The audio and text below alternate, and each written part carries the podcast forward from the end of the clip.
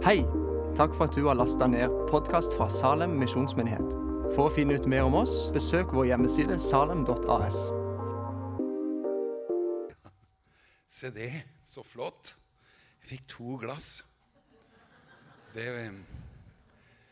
han, han har skjønt at jeg, jeg taler på timelønn. Så det, det, det Ja, ja. Jeg må begynne med en gang å få lov å, å takke for, for, gaven som dere var med å gi inn til arbeidet vårt. setter vi veldig, veldig pris på. Det må jeg si. Det hjelper oss å fullføre de, de planene som Gud har lagt på vårt hjerte. Og vi er ikke så veldig sånn avansert i vår visjon. Vi snakker stadig litt om det. Og etter hvert som åra har gått, og, og vi kjenner at vi brenner jo veldig for at mennesker skal bli frelst, men vi brenner like mye for at de frelste skal bli tent i brann. At vi skal få se at vi som er kristne, vi virkelig tror på det vi tror på. på en måte. Halleluja. Hvis vi først tror på Gud, så kan vi jo tro på Han skikkelig. Det, det, er, min, det er, min, greie. Hvis du først, jeg mener, Skal vi først tro på en som har all makt, liksom, og så skal vi Jo, men eh, Jeg tror på Gud, men du er ikke i himmelen ennå. Nei, men uh, han, han, hjelper oss her nede også, da. Så det, det er ikke så gærent. ja da. Så jeg syns det er veldig flott å få lov å komme og dele en sånn søndagskveld med dere. Og jeg skal prøve å være litt disiplinert, for jeg faktisk våkna med noen ord i dag. Um, og det var jo eh, av og til når du våkner på morgenen med noe, så da må jeg forte meg å skrive ned før jeg glemmer det sånn bort sånn. Og, det gjorde jeg nesten. Jeg, men jeg klarte liksom å hente ned noe av substansen i det allikevel. Men det var, det var noe, som, noe, sånt som at eh, bak, alle, eh, bak all framgang så fins det en prinsipp bak det. Eh, det høres kanskje ikke så veldig åndelig ut, men altså hvis, hvis, hvis, hvis du gjør altså Bak all framgang så er det en grunn til at det er framgang. Det er alltid en årsak til at det, at det fins en framgang i ditt og mitt liv, eller tilbakegang for den saks skyld. Men jeg tenkte liksom litt på sånn i evangelisk virksomhet. Eh, så når det, når det, er framgang i en virksomhet, så er det en grunn til det. Det fins et eller annet du har gjort riktig. Et prinsipp. En slags lov som man, man liksom har gjort enten bevisst eller ubevisst. Veldig mange ganger tror jeg mye av det vi kristne gjør, er litt ubevisst. Vi har litt flaks innimellom. Vi har litt flaks at noen blir frelst, og noen blir helbreda. Det, det, virker i hvert fall sånn på mange som om det, vi har noen ettermøter. så er det nesten akkurat som Når ettermøtet kommer, så er det liksom sånn Ja, nå åpner vi det himmelske lotteriet. Nå får vi se om Hvis du er heldig i kveld, så kanskje du blir helbreda i kveld. Eller det kan jo hende. Du kan jo aldri vite. Og så og så har vi liksom sånn, nesten sånn lottoettermøte. Liksom sånn, men, eh, og så er det faktisk noen som blir helbreda, og noen blir det jo ikke. Og, og, det er jo bare å ta inn over oss at eh, det skjer, og, og, det skjer ikke. Eh, eh, men, men, men, jeg tror ikke vi trenger å lage sanger av den grunn som sier 'Det som skjer, det skjer. Jeg kan ikke si deg mer'. Jeg, jeg, jeg tror det fins en årsak til at det skjer, og til at det ikke skjer bak alle ting i denne verden også, så er det en årsak til at noen lykkes og andre ikke lykkes. Det er fordi noen gjør noe riktig, og andre gjør noe som ikke er riktig. Det, det er, eh, og det var litt det jeg våkna liksom med i dag. At eh, liksom bak all framgang så, så fins det et prinsipp, liksom.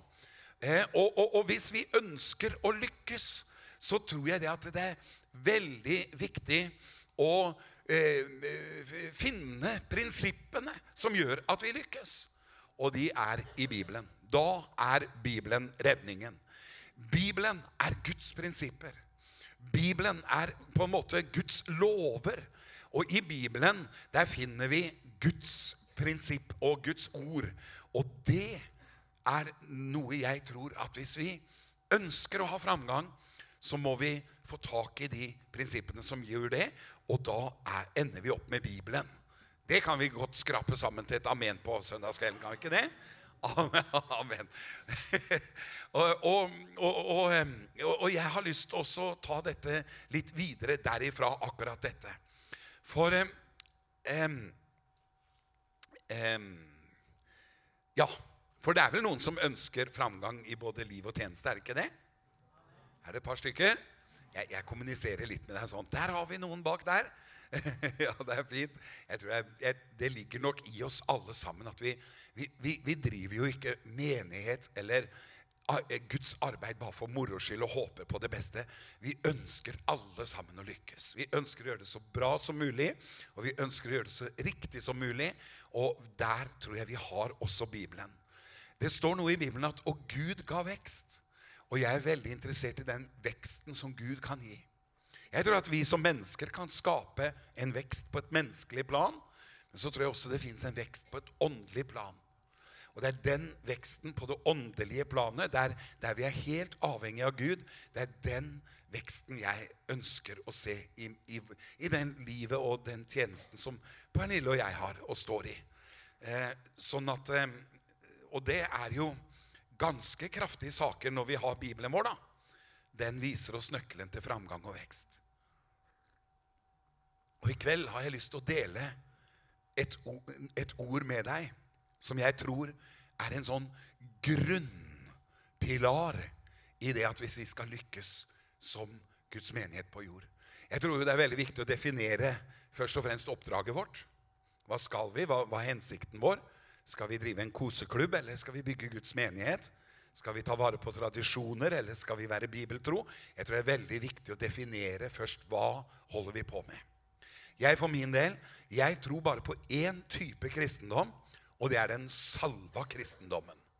Den bringer resultater. Jesus var salvet med Den hellige ånd og kraft, og det var det Jesus dedikerte alle sine resultater til. Han sa 'Herrens ånd er over meg, for han har salvet meg', og så kommer resultatene. Og jeg tror bare på én utgave av kristendommen, og det er apostlenes gjerningers utgave. Det fins bare én prototype av kristendommen. Det er apostlenes gjerninger. Det er, det er liksom modellen, det er rollemodellen. Den ligger så nært opp til instruksene fra Jesus at eh, uansett hva vi sier, så er Bibelens kristendom veldig bibelsk. Og vi vil jo ha en bibelsk kristendom, vil vi ikke det? Ja, ja, ja, visst. Jeg vil det, og du vil det. Så det er den bibelske kristendommen som gjelder.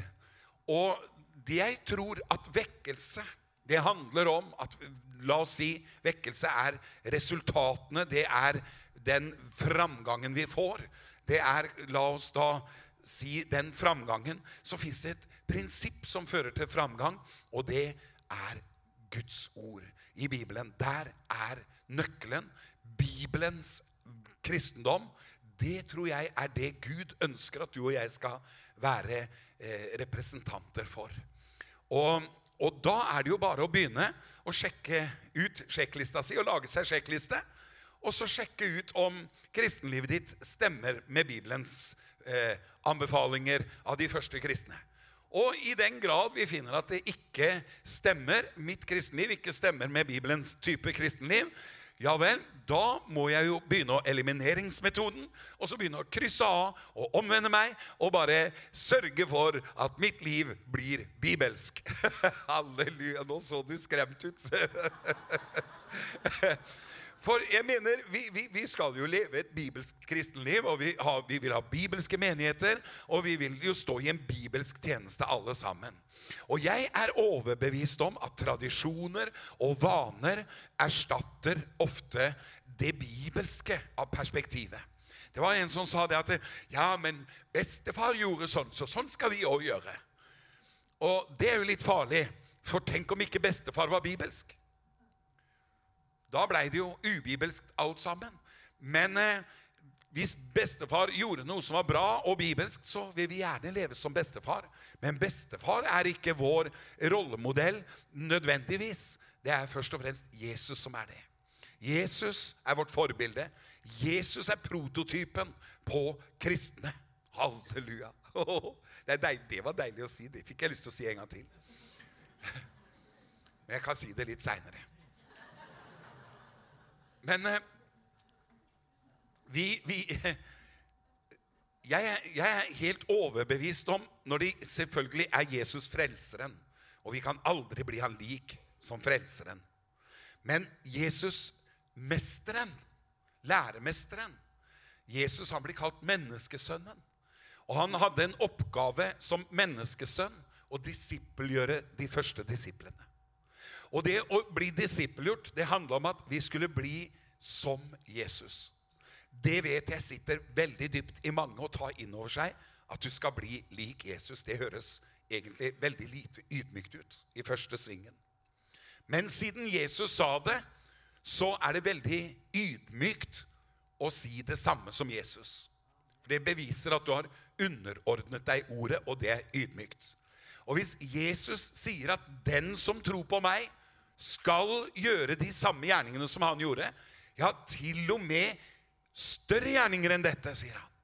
Så det er ingen tvil om at bibelsk kristendom handler om å gjøre Jesu gjerninger på jord. Det har jeg alltid kjent i mitt hjerte et amen til. Og alltid syns har vært spennende perspektiv over kristenlivet. Tenk at vi som kristne skal kunne få lov å gjøre de samme gjerningene som Jesus gjorde. Og da er det veldig mange som tenker Nei, fri og bevare meg. Jeg skal aldri sammenligne meg med Jesus på den måten der. Det er lite ydmykt. Jesus er Jesus, og jeg er Gudrun. Og nå er jeg blitt så rund at jeg tror på Gud og er veldig rund, så blir det Gudrun, liksom. Det, det, eh, skal jeg være litt forsiktig her? Jeg håper ikke noen heter det i kveld, da. Kjære Jesus. Jeg, jeg går alltid rett i salaten, jeg, vet du. Uff a meg. Kanskje du er her og er litt rund og heter Gudrun, så har jeg skikkelig tråkka i det. Nei. Men i hvert fall så så, så, så så ligger liksom det så høyt å ta bilde av seg og bli som Jesus. Men jeg skal si deg noen, noen nydelige tanker rundt dette i dag. For jeg har alltid, Det er veldig fort gjort å tenke at vi skal gjøre som Jesus, og så skal vi liksom bli store i oss selv. Og det har aldri Jesus tenkt, at du og jeg skal være store i oss selv. Men han sier at i dette blir Faderen herliggjort, i at vi bærer mye frukt, står det. Det er det som herliggjør Jesus, det er at du og jeg bærer mye frukt. Ikke bare litt grann frukt, men mye frukt. Og hva slags frukter skal vi bære? Jo, vi skal bære Jesus-frukter. Den hellige ånds frukter, selvfølgelig. Men noe av dette som, som er vårt mål og destinasjon som kristne, det er at vi skal være bibelske kristne. Er vi enige om at vi vil være bibelske kristne? Og så vil vi ha bibelske menigheter. Og så vil vi drive vårt arbeid mest mulig på bibelsk måte. Jeg er helt sikker på at vi alle kan være enig i det. Men det innebærer en veldig spenstig tro, fordi eh, vi, vi, vi ønsker som sagt å være eh, ikke stolte i det, og gå noe stolthet i det. Men Galaterbrevet 4,19, der står det noe fint. Nå skal jeg ta, ta meg tid til å slå opp det. Galaterbrevet. Um, og kapittel 4 og vers 19. Så står det Mine små barn, som jeg igjen har fødselsveer med, inntil Kristus får skikkelse i dere. Altså inntil Kristus vinner skikkelse i oss. Og det er Guds plan med oss. Det er at Kristus skal vinne skikkelse i oss. Det går an. Eh, og det står også at, eh, at eh, Ikke bare at ordet at eh, Kristus skal vinne skikkelse i oss, men, eh, men, men det står faktisk at eh, han skal bo ved troen i vårt hjerte. At det, Kristus, det står også i Bibelen han skal øke, og jeg skal avta. Kristus bor ved troen i våre hjerter. Og når Jesus bor i oss, så ønsker han å leve gjennom oss. Og det er bare Jesus i oss som er håp om herlighet, som gjør at det blir spennende å være kristen. Vi er jo templer for Den hellige ånd. Men det er ikke bare Den hellige ånd som skal bo i deg. Vi har Den hellige ånd, for vi er nye skapninger. Vi har fått Den hellige ånd. Men Kristus skal også bo der. vet du? Det gikk opp for meg at det, de er jo forskjellige. ikke sant? Kristus bor i deg. Ja, Men sitter ikke Kristus himmelen, i himmelen? Jo, Han sitter ved Faderens høyre ånd, og Den hellige ånd er inni våre hjerter, alle sammen. Men Kristus skal bo ved troen i ditt og mitt hjerte. Og da har jeg lyst til å forklare deg noe om det som er så utrolig spennende. Jeg tror Nå skal jeg dra på litt her. Jeg tror at alle som er kristne, er kalt til å være med og se at døde vekkes opp, at vi skal legge hendene på de syke, vi skal drive ut onde ånder, og vi skal gjøre større gjerninger enn Jesus. Og så kan du få lov å strikke votter til misjonen også. Men vi skal vekke opp døde, rense spedalske og drive ut onde ånder. Og så skal vi virkelig gjøre Jesu gjerninger på jord. Og, og det, er, det er det som jeg syns gjør at kristenlivet begynner å bli spennende. Men det er mange som har resignert litt i troen på det. For de har kanskje prøvd seg litt. De har sagt et ammen til en sånn forkynnelse av og til. Og så har det kanskje ikke helt skjedd sånn. Og så resignerer vi, og så trekker vi oss litt tilbake og så tenker vi ja, ja, det er jo ikke, er jo ikke sånn at eh, dette fungerer for alle. Men jeg, jeg er skrudd sammen litt annerledes. Jeg. Det står 'let, og du skal finne'. Bank på, og det skal åpnes opp for deg. Be, og du skal få. Og jeg tror det fins en vei inn i bibelsk kristendom. Jeg tror at Gud kommer til å kalle på menigheter og mennesker rundt i hele Norge før han kommer igjen, til å begynne å leve et mer bibelsk kristenliv. Halleluja. Jeg tror Gud kommer til å sette søkelyset på hva vi holder på med, og begynne å ransake oss, ikke for å fordømme oss, ikke for å liksom at vi skal føle på noe, noe slags kav og strev og komme ut i det, men han kommer til å sette søkelyset inn på hva holder vi på med, er vi bibelske? Og det er vekkelse. Jeg tror vekkelse handler om at Gud får justere oss helt til vi blir bibelske. Amen. Amen. Det er i all enkelhet vekkelse. Han ønsker å forme oss, danne oss og vinne skikkelse i oss. Og kan du tenke deg noe mer bibelsk enn Jesus? Og hvis Jesus vinner skikkelse i deg, da er du blitt bibelsk. Amen. Og det betyr det kan skje i kveld. Halleluja. Men det er en prosess, dette vi snakker om nå. Dette er en prosess. At Jesus vinner skikkelse i oss. Han skal vokse. Og vi er som små barn når vi blir født på ny. Da har vi nye skapninger i Jesus, og så blir vi som små barn. Og så har Gud kalt oss ikke at vi skal være små barn resten av livet, men vi skal vokse opp til Han som er hodet til menigheten. Vi skal vokse opp til manns modenhet i Kristus Jesus. Og vet du hva det er? Det er å gjøre Jesu gjerninger. Halleluja. Det å vokse opp til manns modenhet er å gjøre Jesu gjerninger. Som han er i verden, sånn er vi. Amen. Og hvis ikke du er som Jesus, så er du bare et småbarn enda, om du har aldri så mange grå hår i hodet. Ops. Vi må være litt forsiktige med amena nå. Men, men, men, jeg husker når jeg var frelst, så møtte jeg en kar. vet du. Jeg hadde blitt åndsdøpt. Og så trodde ikke de på åndsdåpen så veldig, noen av de der jeg kom. Oppe på Lolandsheimen. Det var et par av gutta der som jobba der som som satt på, på og sa kraften forsvant i år 70 etter Kristus. Jeg har hørt rykter om at de har omvendt seg litt nå etter 40 år. halv eller 30 år. Men det, det, det fikk vi høre. Kraften forsvant i år 70 etter Kristus. Og jeg syns jo det var veldig rart, for jeg ble jo døpt i Den hellige ånd håper å si bare for et par måneder siden. når han sa det. Så jeg hadde jo opplevd denne kraften. da. Og så sa han, brukte han riktig litt autoritet. Jeg har vært frelst og vandra med Herren i 40 år så du gjør best å høre på meg. Og så tenkte jeg ja, du har vært frelst i 40 år. Men du vet, det går an å ha vært frelst i 40 år, og så hopp å si levd ett år 40 ganger. Og du er fremdeles bare ett år, selv om du har Altså, Israels barn de gikk 40 år i ørkenen, vet du. Så, så, så, så, det kommer ikke an på hvor lenge du har vært frelst. Jeg mener 40 år. Ja, I Moses kunne ha sagt vi har gått i ørkenen i 40 år. liksom. Ja, men det var bare det at eh, de gikk i ring. Og det går an å gå litt i ring og komme inn i noen vaner. Jeg har levd med Herren i 40 år, så har du egentlig ikke det. Du har bare levd ett år 40 ganger med Herren. Det er det samme året 40 ganger. Det er liksom den samme åpenbaringen. Den samme ikke sant? Det kommer inn i vaner. Men hva avslører det? Jo, vi vil ha Bibelens Jesus. Vi vil ikke være små barn selv om vi er voksne i alder og har levd lenge med Herren, så går det an å være et lite barn i Herren allikevel. Hva er det som avgjør om vi er blitt vokst opp til manns modenhet? Jo, det er Kristus. Hvor mye har Kristus vunnet skikkelse i oss? Det er det som har med aldersnivå å gjøre. Og vet du hva? Du kan, Kristus kan vinne mer skikkelse i en nyfrelst på ett år enn en gammelfrelst på 40 år. Ops, nei, du tok ikke helt det. Det var godt. Jeg bare glem det. Du, ja, for, for, dette her er litt sånn Dette er kanskje litt Altså, Veldig ofte nyfrelste er søkk åpne. De tar imot åpenbaringer, og de tror på det som står der.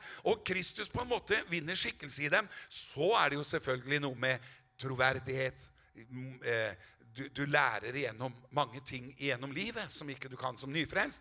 Men det at Kristus kan vinne skikkelse i deg, det det kan gå rimelig fort, det. Men hvor fort det går, det vet jeg ikke. Men det er en prosess. Han skal vokse, og vi skal avta. Inntil Kristus vinner skikkelse i oss, fra små barn og helt inn til Kristus har vunnet skikkelse i oss. Og hva vil kjennetegne at Kristus har vunnet? Jeg vil tro at det er når vi kan gjøre de gjerningene Jesus gjorde. For han sier, 'Den som tror på meg, skal gjøre de gjerningene jeg gjør. De skal endog gjøre større gjerninger enn det jeg gjør. Hvordan skal Kristus vinne skikkelse i oss da? Ved at vi avtar, og Bibelen øker. La Kristi ord bo rikelig iblant dere. Jeg tror at den eneste og beste måten å vokse i nåde og kunnskap og kjennskap til Jesus, det er å bli fylt av Ordet. Hvorfor det? For Jesus er Ordet. Og det er det jeg kommer til å, å, å, å, ønske du skal huske etter denne kvelden. Halleluja. Det er at Jesus er Ordet.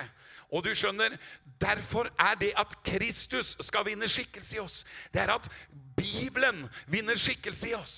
Det er at Guds ord Du skjønner, Den hellige ånd har du inni deg. Du er et tempel for Den hellige ånd. Og, men, men, Kristus skal bo der også. Og han er ordet.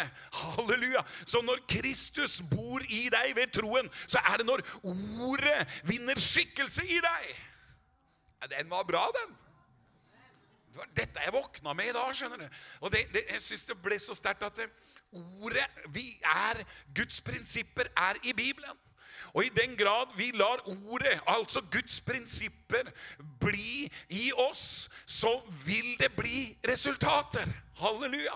Og hvis vi ikke bærer resultater, så er det høyst sannsynlig Det kan jo være litt mer sånn eh, Men, men i grove trekk så tror jeg det er at det er at ikke vi er bibelske. At ikke ordet har vunnet skikkelse. Nå skal jeg gi deg et eksempel. Vet du, Dette syns jeg er så herlig. Johannes evangelium kapittel 20 og vers 21. Så sier Jesus noe til sine disipler. Liksom Faderen har utsendt meg, sender også jeg dere, sier han. Oi, oi, oi, det syns jeg er et nydelig ord. På samme måte som Faderen har utsendt meg, på den måten sender jeg dere ut. Og vi er alle disipler av Jesus. Gå ut og gjør alle folkeslag til mine disipler. Han sier ikke 'gå ut og frels hele verden'. Men når, en, når et menneske blir frelst, så blir han ikke frelst, du blir en disippel. Men du blir jo frelst, da, selvfølgelig.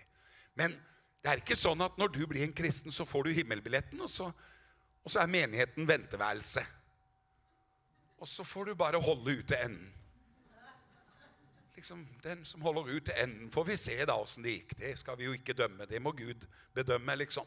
Men det er en for dårlig bibel. Det er ikke sånn Bibelen var. Det var ikke det Jesus sa. Her, Peter, se på sårene mine. Sånn. Nå kan du sitte ned. Be høstens herre drive arbeideren inn på hvilehjem, liksom. Så skal vi bare komme inn i en hvile og sitte der og, og vente på at Jesus kommer. Nei, nei, nei.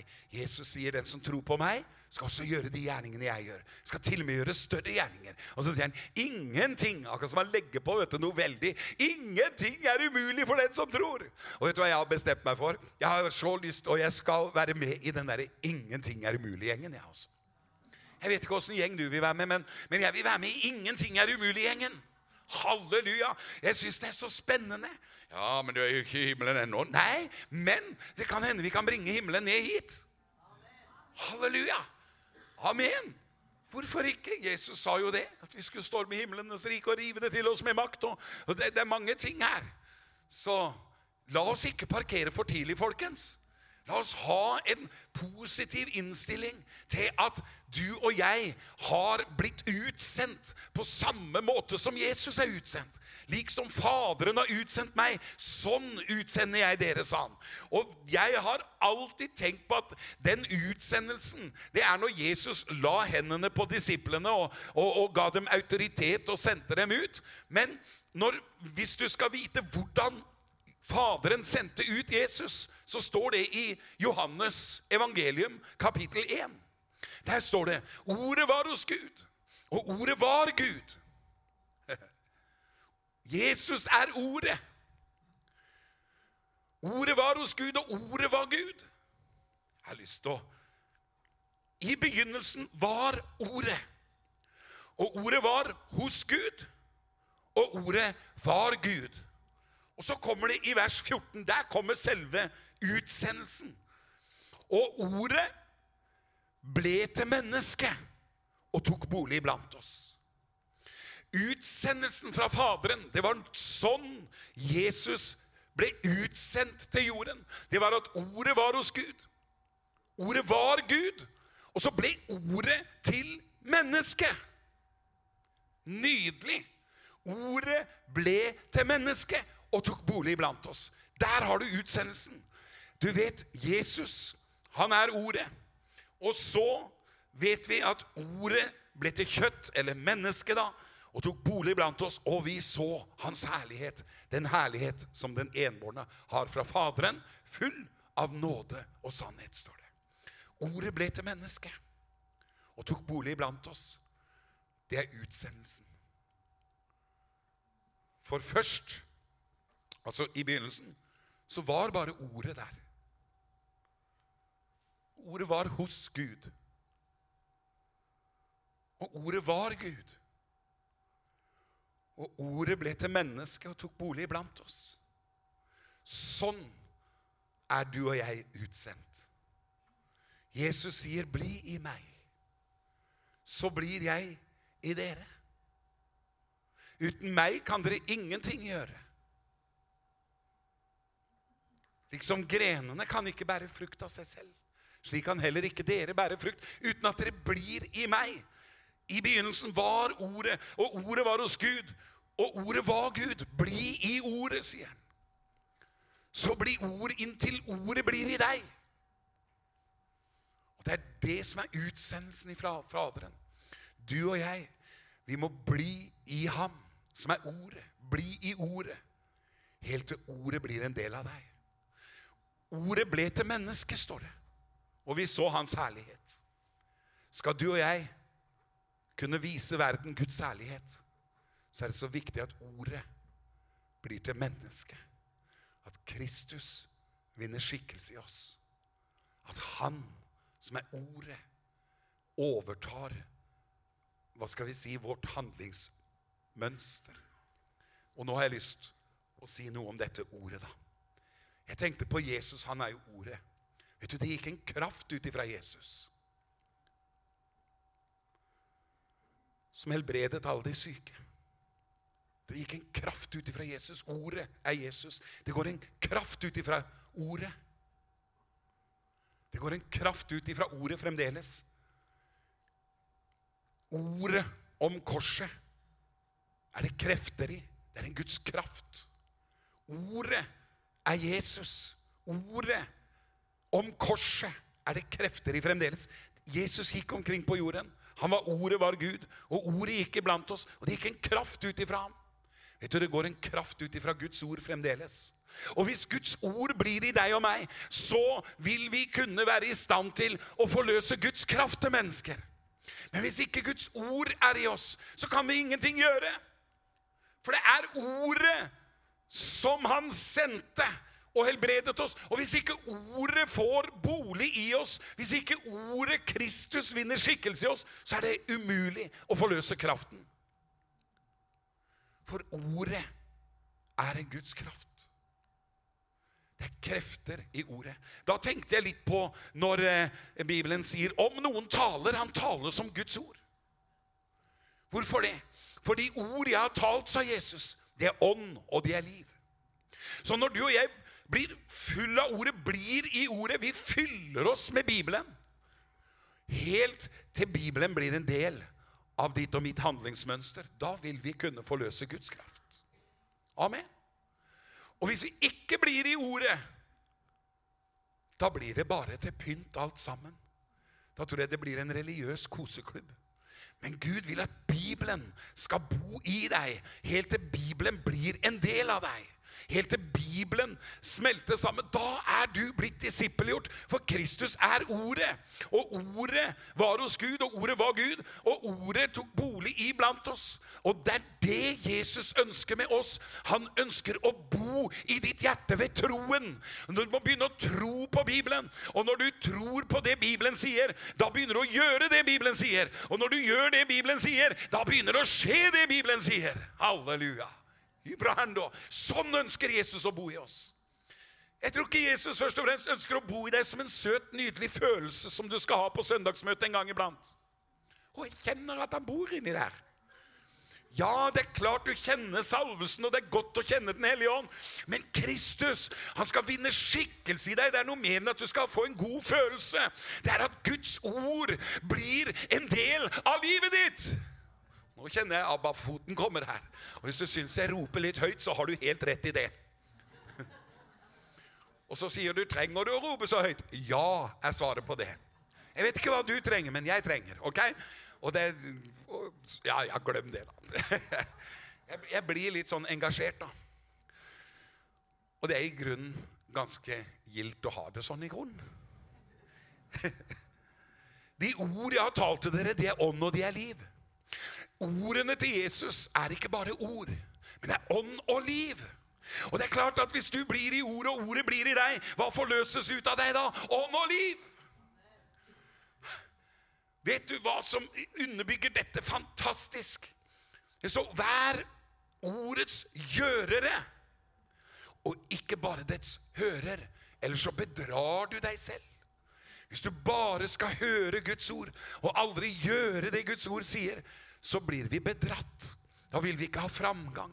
Da vil vi ikke ha disse prinsippene i våre liv som bringer resultater. For ordet gir frukt. For ordet er det såkornet som såmannen sådde. Og det som kom i god jord, det var ord. Guds, Guds ord, det er såkornet. Vi må så inn Guds ord i våre liv. Hva skjer da? Jo, de ordene er mer enn bare ord. Det er mer enn bare prinsipper. Men det er Guds prinsipper som bringer noe 30-fold, noe 60-fold og noe 100-fold. Og i den grad vi sår inn Guds ord i våre liv, og lar Kristi ord bo rikelig i oss, og de blir i ham, da blir han i oss. Og da kan du til og med be om hva du vil, og du skal få det, står det. Det er løfter, det. Er du ikke enig? Er ikke det her litt søt liten andakt på en søndagskveld?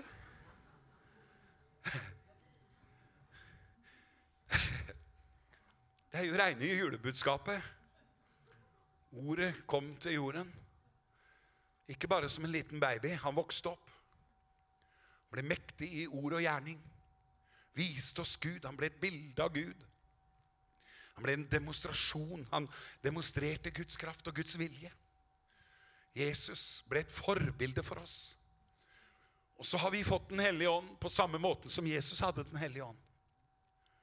Herrens ånd er over meg, sa Jesus.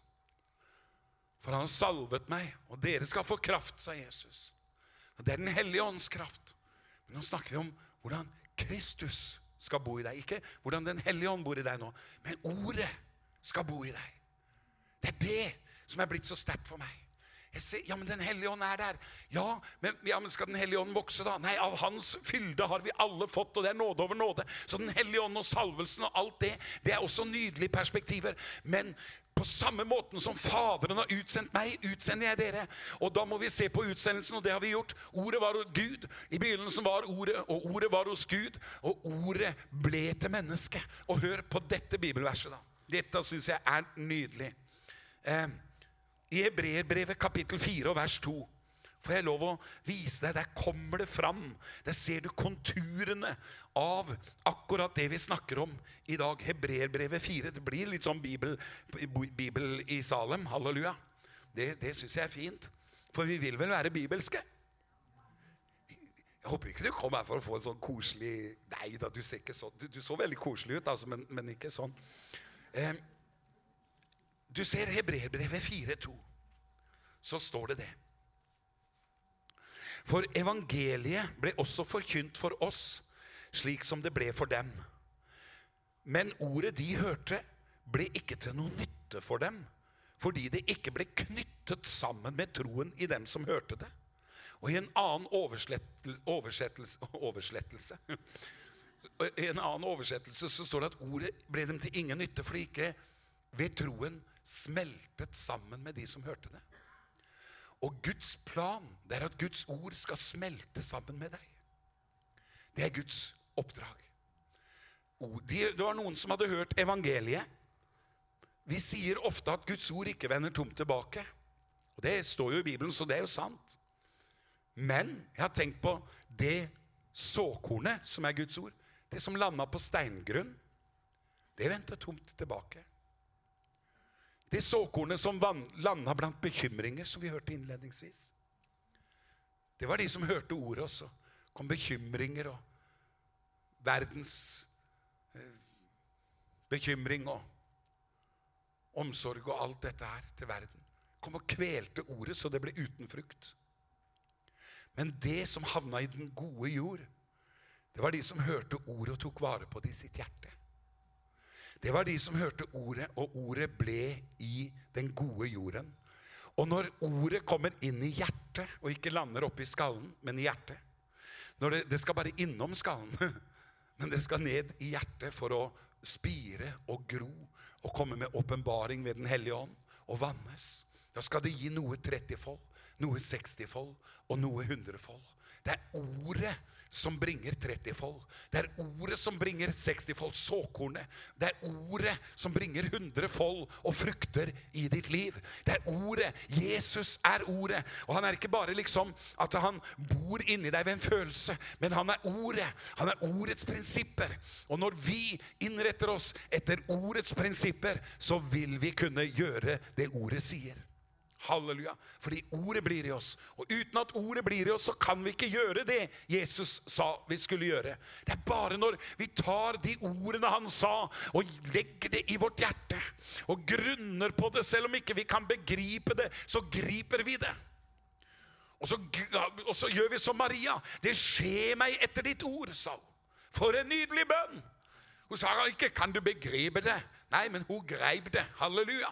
Det er ikke alltid du kan begripe det Gud sier. For han sier at du og jeg skal gjøre større ting enn det han gjorde. Og det kan vi ikke begripe, men vi kan gripe det. Og vi kan tro på det. Og vi kan gjemme det i våre hjerter og vanne det med bønn. Og be Den hellige ånd komme med lys. Og så kjenner vi at det ordet vi hører, det begynner å smelte sammen med deg. Og så begynner du å tro på det. Og da er det at Kristus bor ved troen i ditt hjerte.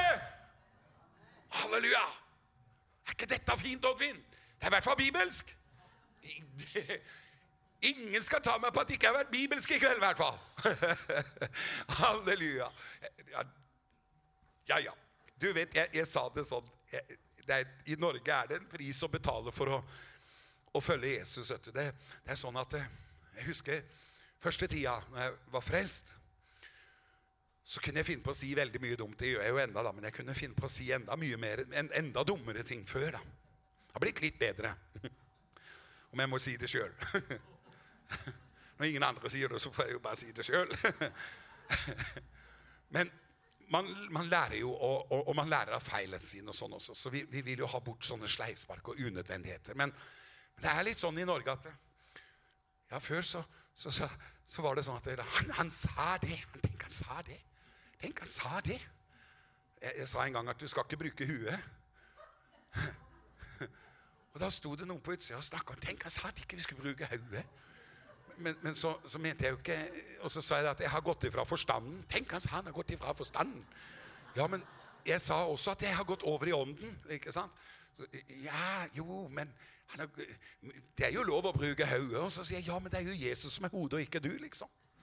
Så Det er liksom det som er poenget mitt. da. Og så, liksom, så, så, så, det er jo klart at folk kan ta deg på det du sier. Men når du blir veldig bibelsk, da, så er det noe sånn rart vet du, som ikke de da kan ta deg på det du sier. Vet du hva de sto på? Ja, men det var jo bibelsk, det han sa. Ja, men det var bare han måten han sa det på. Ikke sant? Så hvis ikke de kan ta deg på det du sier, så tar de deg på måten du sier det på. Så du skjønner, det er en åndskamp uansett hvordan vi snur og vender og griper det her greiene her. Så jeg har bare kjent at det, den som taler, han må bare sørge for å tale som Guds ord. Og ikke ut ifra liksom hva vi tenkte den likte, eller kanskje den ikke likte, og vi må passe på så alle liker oss, liksom. Nei, vi må bare levere varene, og så får vi la det stå til. Og så tror jeg det blir seier i Jesu navn. Fordi vi elsker Guds ord, og den som er er født av Gud, de kjenner hyrderøsten.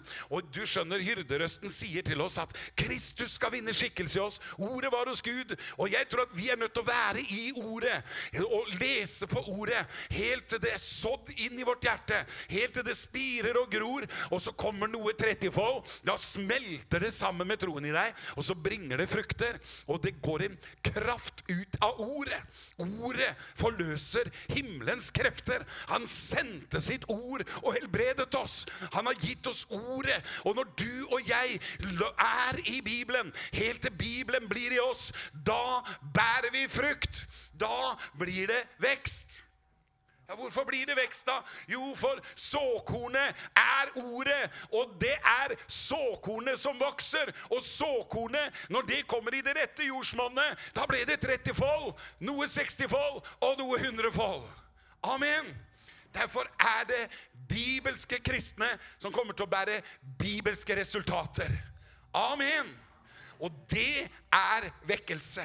Derfor tror jeg at Gud kommer til å sende hva skal vi si, en ordets vekkelse over landet vårt. Som han kommer til å utøse Den hellige ånd over. Amen. Det er hva Norge trenger. og det trenger jeg, og det trenger vi. For hvorfor det? For vi vil være bibelske. Og når er du bibelsk? Det er den dagen du kan vekke opp døde, rense spedalske, og du kaster ut onde ånder på din vei. Ups. Amen. Ja. Og ingenting er umulig for oss, liksom. Da, da, da, er vi vokst opp til manns modenhet i Kristus. Hvis ikke, så er vi små barn. Og det er jo ikke noe nederlag å innrømme at vi er små barn i Kristus. Jeg er barn enda, jeg også. Men jeg akter ikke å bli der. Jeg ønsker at Jesus skal vinne skikkelse i meg, at jeg blir disippelgjort. Og hvordan blir vi disippelgjort? Jo, gjennom Guds ord vinner skikkelse i oss. Ordet de hørte, det ble til ingen nytte fordi de ikke ved troen var smeltet sammen med dem som hørte det. Guds plan med Bibelen er at det ordet du hører, det ordet du leser, det skal Den hellige ånd åpenbare for deg, og det skal smelte sammen med ditt hjerte. Og la meg forklare til slutt. Jeg må ha en sånn en her nå. På, på dette med Guds ord. En, en litt konkret. Når det står i Bibelen f.eks.: Gi, så skal du få. Nå tar jeg bare et sånt konkret eh, eksempel som det. det er jo, da er det jo bibelsk å gi, og så, og så vil det jo også komme en høst på det. Men jeg tenker på i det øyeblikket du gjør det, i det øyeblikket du gir noe til noen, da gjør du det Bibelen sa. Da er ordet blitt til handling i et menneske. Når et menneske bare hører Guds ord, så er jo det en god begynnelse. For det må jo høres. Men ordet du hører, det må bli til nytte. Og Derfor så må ordet ikke bare høres og vurderes, men det må tas imot, og det må smelte sammen med ditt hjerte. Og hvordan vet du at ordet har smeltet sammen med deg? La meg ta det enkle eksempelet. Den handlingen det å gi, det er et verb. Det er noe du setter å foran. Å gi. Det er et gjøreord. Så i det øyeblikket jeg gjør det Bibelen sier, da er det, da er det handling. Da er ikke ordet bare et ord lenger, men da har ordet blitt til handling. I det øyeblikket Nå har jeg ikke akkurat så veldig mye her. Jeg får gi deg filla mi, da, Oddvin. Hvis jeg kan få den igjen, da. For det står gi, så skal du få. Men bare for å illustrere det. Hvis jeg vil gi denne til deg, Oddvin, så kunne jeg godt lese i Bibelen min. Det står 'gi, så skal du få'. Ja, det var et fint ord. Jeg likte kanskje ikke helt måten det var, ble sagt på, men det var jo en god tale. Men jeg syns han ropte litt for høyt. ja, ja. Men ok, kom hit, Oddvin. Poenget er, det står i Bibelen 'gi, så skal du få'. Og i det øyeblikket jeg Det er å gi. Det er et gjøreord, det er et verb. ikke sant? Du har jo vært læreren min, så du vet jo det. Det var jo mer i matematikk, men ok. Eh, å gi, det er noe du gjør. I det øyeblikket du gjør det Nå er jo, det står i Bibelen at du skal gi, så nå gjør jeg det. Å gi sånn. Der var ordet menneske. I det øyeblikket jeg gjorde det, så ble ordet til menneske. Det, I det øyeblikket ordet blir et verb. I det øyeblikket ordet blir en handling Nå ga han det tilbake. Da er ordet blitt til menneske. Det er som at ordet er bare ordet i det himmelske. Men i det øyeblikket vi blir i ordet, så er jo ordet Gud, og ordet er Gud. Og når vi gjør det Bibelen sier, da er det ordet smelter sammen med deg. Sammensmeltningen av Guds ord, det er i det øyeblikket du gjør det Bibelen sier. I det øyeblikket et menneske aktivt handler på Guds ord, da er Kristus åpenbart. Det var kanskje vi skulle tatt en litt grunnere andakt her i kveld, men nei, det skulle vi ikke. Det Det her er snadder. Det her er vekkelse. Det er bedre enn biffsnadder. Det er bibelsnadder. Skikkelig. Du skjønner, det er det som Guds ønsket. Han sier, 'Liksom Faderen har utsendt meg, sånn utsender jeg dere'. Ordet var Gud. Ordet var hos Gud. Og ordet ble til menneske. Men ordet de hørte, ble dem til ingen nytte, for det ikke smeltet sammen med troen i dem. Men vi skal ikke være sånne som ikke lar Guds ord komme i den gode jord. Og jeg ønsker bare å ta til meg Bibelen. Hvis Bibelen sier at jeg skal gjøre samme gjerningene som Jesus gjør, da må jeg bare si, 'Herre, det skjer meg etter ditt ord'. Da kan jeg ikke sitte og begynne å Ja, men åssen skal det gå til? Og så begynner jeg med skallen. Da er det så befriende å vite at det er ikke jeg som er hodet til menigheten, men Jesus. Og Jesus har sagt at Jørn Strand skal gjøre Jesu gjerninger. Det var da voldsomt. Ja, det syns jeg òg. Helt enig med deg. Jeg syns også det er voldsomt. Ja, men jeg liker det ikke. Nei, men det står der. Og jeg ønsker å være bibelsk. Jeg ønsker at det arbeidet Pernille og jeg driver, skal være bygd på bibelsk grunn. Da kan jeg ikke lukke øynene for sånne bibelvers som åpner et så spennende perspektiv om at ingenting er umulig for den som Amen. Og da, hva skal vi tro på? Jo, selvfølgelig på seieren på korset. På det Jesus sa, og det Jesus gjorde. Vi tror på ordet. Og når vi tror på ordet, det er når du gjør det ordet sier. Det var punkt én.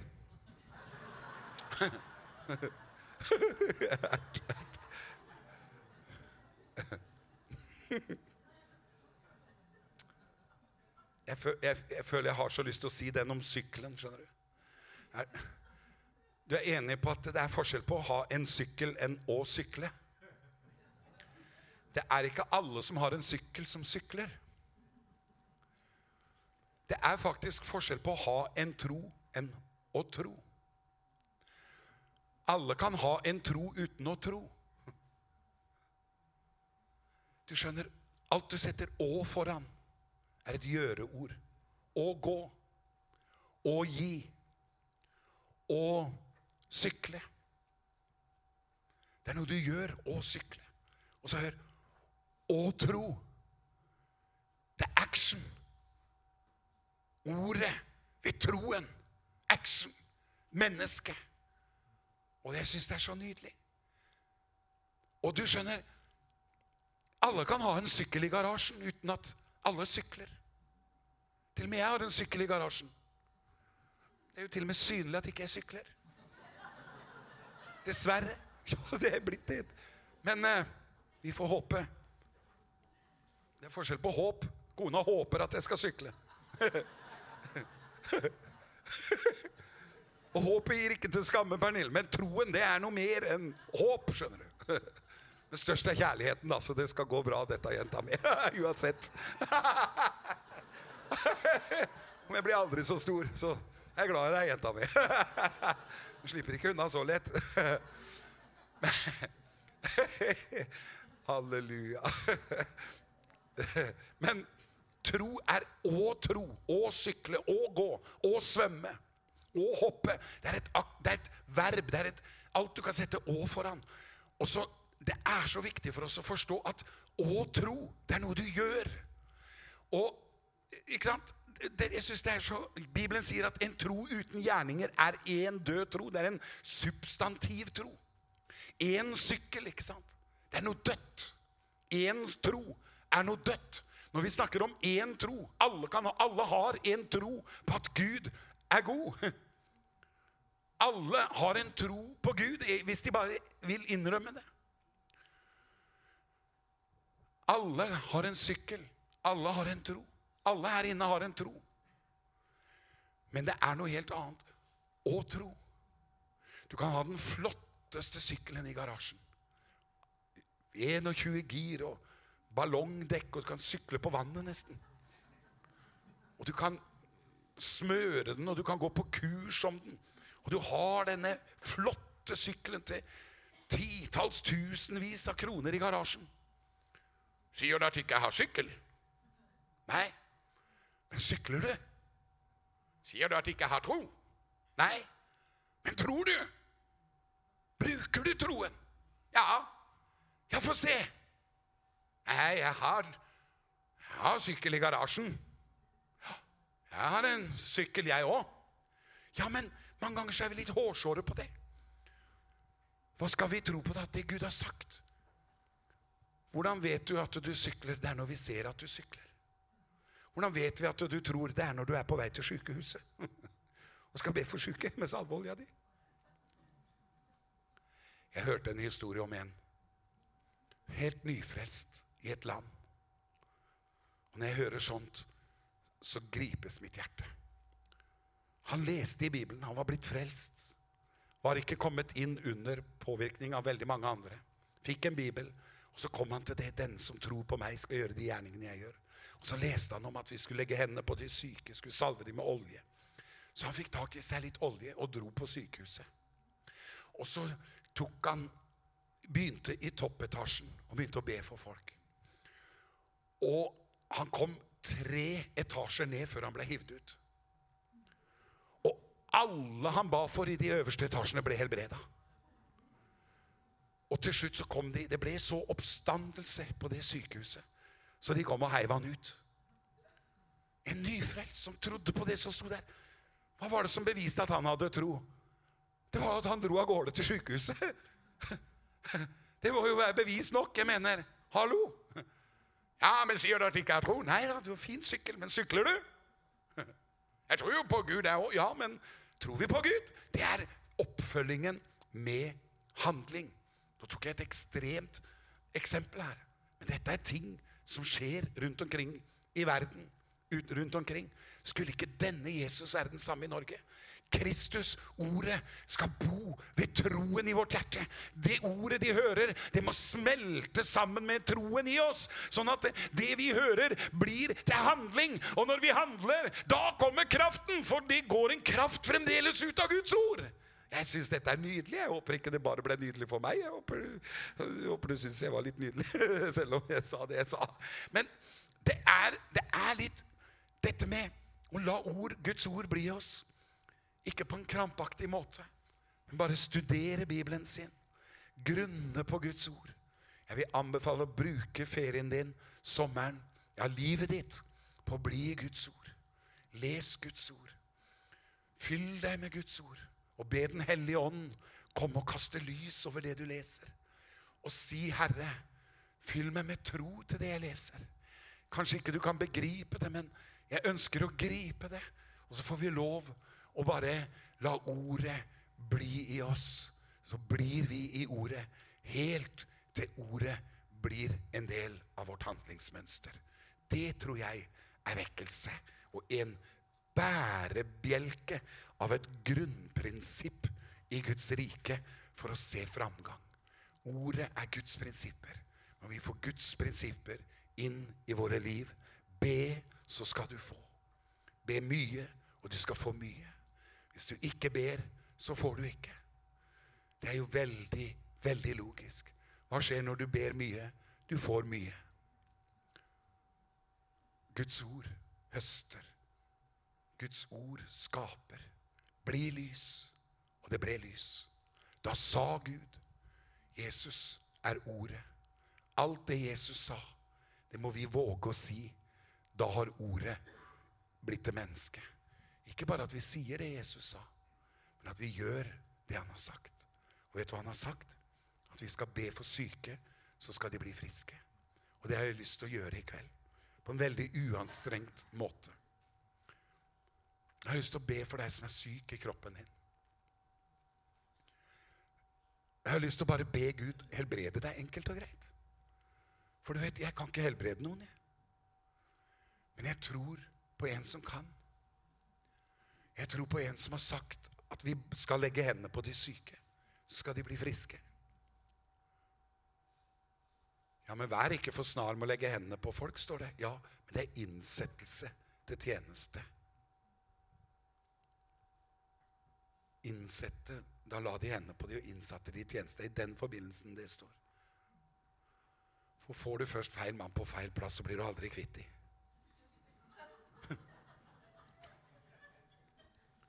Så Derfor skal du ikke være for snar med å legge hendene på. Men når det gjelder syke, der skal vi be for, vet du. Halleluja. Kjære Jesus. Jesus er ordet. Og jeg tror det går en kraft ut av dette ordet fremdeles. Og særlig hvis du og jeg forkynner evangeliet for mennesker, så forløses også Guds kraft. For ordet om korset er det krefter i. Men det er ikke bare krefter i for andre, det er for deg også. Bli i ordet. Ta vare på ordet. Uansett hva du gjør, ta vare på Guds ord. Bind de om din hals, la de være en lykt for din fot. Gjem dem i ditt hjerte, for det er legedom for de som finner dem. Jeg fant dine ord og åt dem.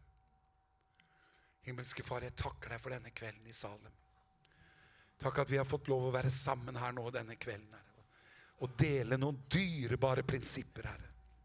Takk at på samme måten, Jesus, som du ble utsendt, har du utsendt oss. Du ønsker at vi skal bli trygge i ordet ditt. At vi skal bli i ordet og la ditt ord bo rikelig blant oss, sånn at vi vet hva som er din vilje. Så vi blir trygge om hva du ønsker, og hva du ikke ønsker. Takk for Bibelen, Jesus.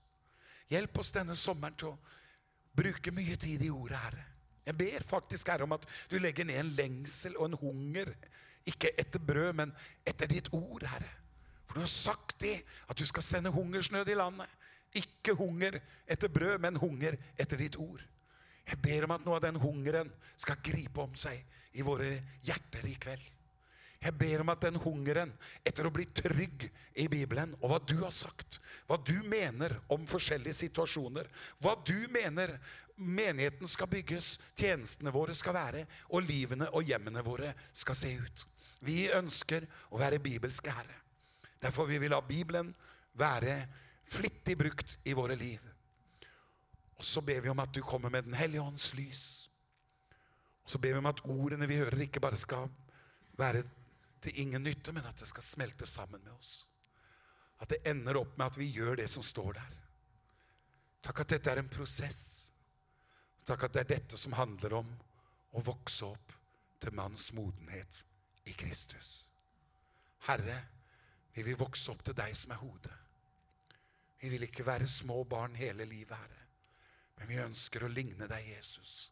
Vi ønsker å kunne gjøre dine gjerninger, Jesus. Derfor så sier du at den som taler, skal tale som ditt ord. Og jeg takker deg at ved dine sår har vi fått legedom. Takk at du ropte deg fullbrakt. Og jeg priser deg for forsoningen. Takk at forsoningens budskap skal bo i våre hjerter. Og så vet vi det går krefter ut av det, Herre. Ramashatolokondwasi. Priser Herre. Jeg ber for den som er sjuk og skrøpelig her inne i kveld. Herre, jeg takker deg for forsoningen. Takk at det er så mange veier til helbredelse. Med olje.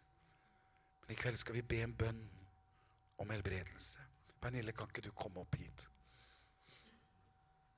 Du vet, det er jo håndspåleggelse. Det fins nådegaver. Det fins svededuker. Det fins troens bønn. Det fins det fins så mange veier til helbredelse. Men i kveld har jeg bare lyst til å be en enkel bønn for deg som er syk. Hvis du ønsker å bli bedt for, så ønsker jeg bare at du gir en respons med å, med å løfte din hånd. Gud velsigne dere. Ja, Gud velsigne dere.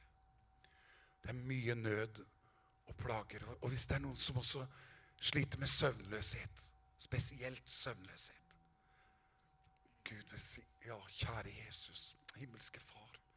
Å, himmelske Far, himmelske Far. Å, himmelske Far, vi takker deg for vi er din elskede menighet, kjøpt på korset ved ditt blod. Og Vi takker deg for forsoningen, som er en bærebjelke av åpenbaring i ditt ord. Korsets bærebjelke.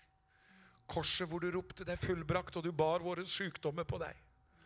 Herre, jeg tror på det ordet av hele mitt hjerte. Jeg tror virkelig at du bar våre piner, våre smerter. Du var en smertens mann, vel kjent med sykdom. Straffen lå på deg for at vi skulle ha fred, og ved dine sår har vi fått legedom, står det. Dette tror jeg på, far.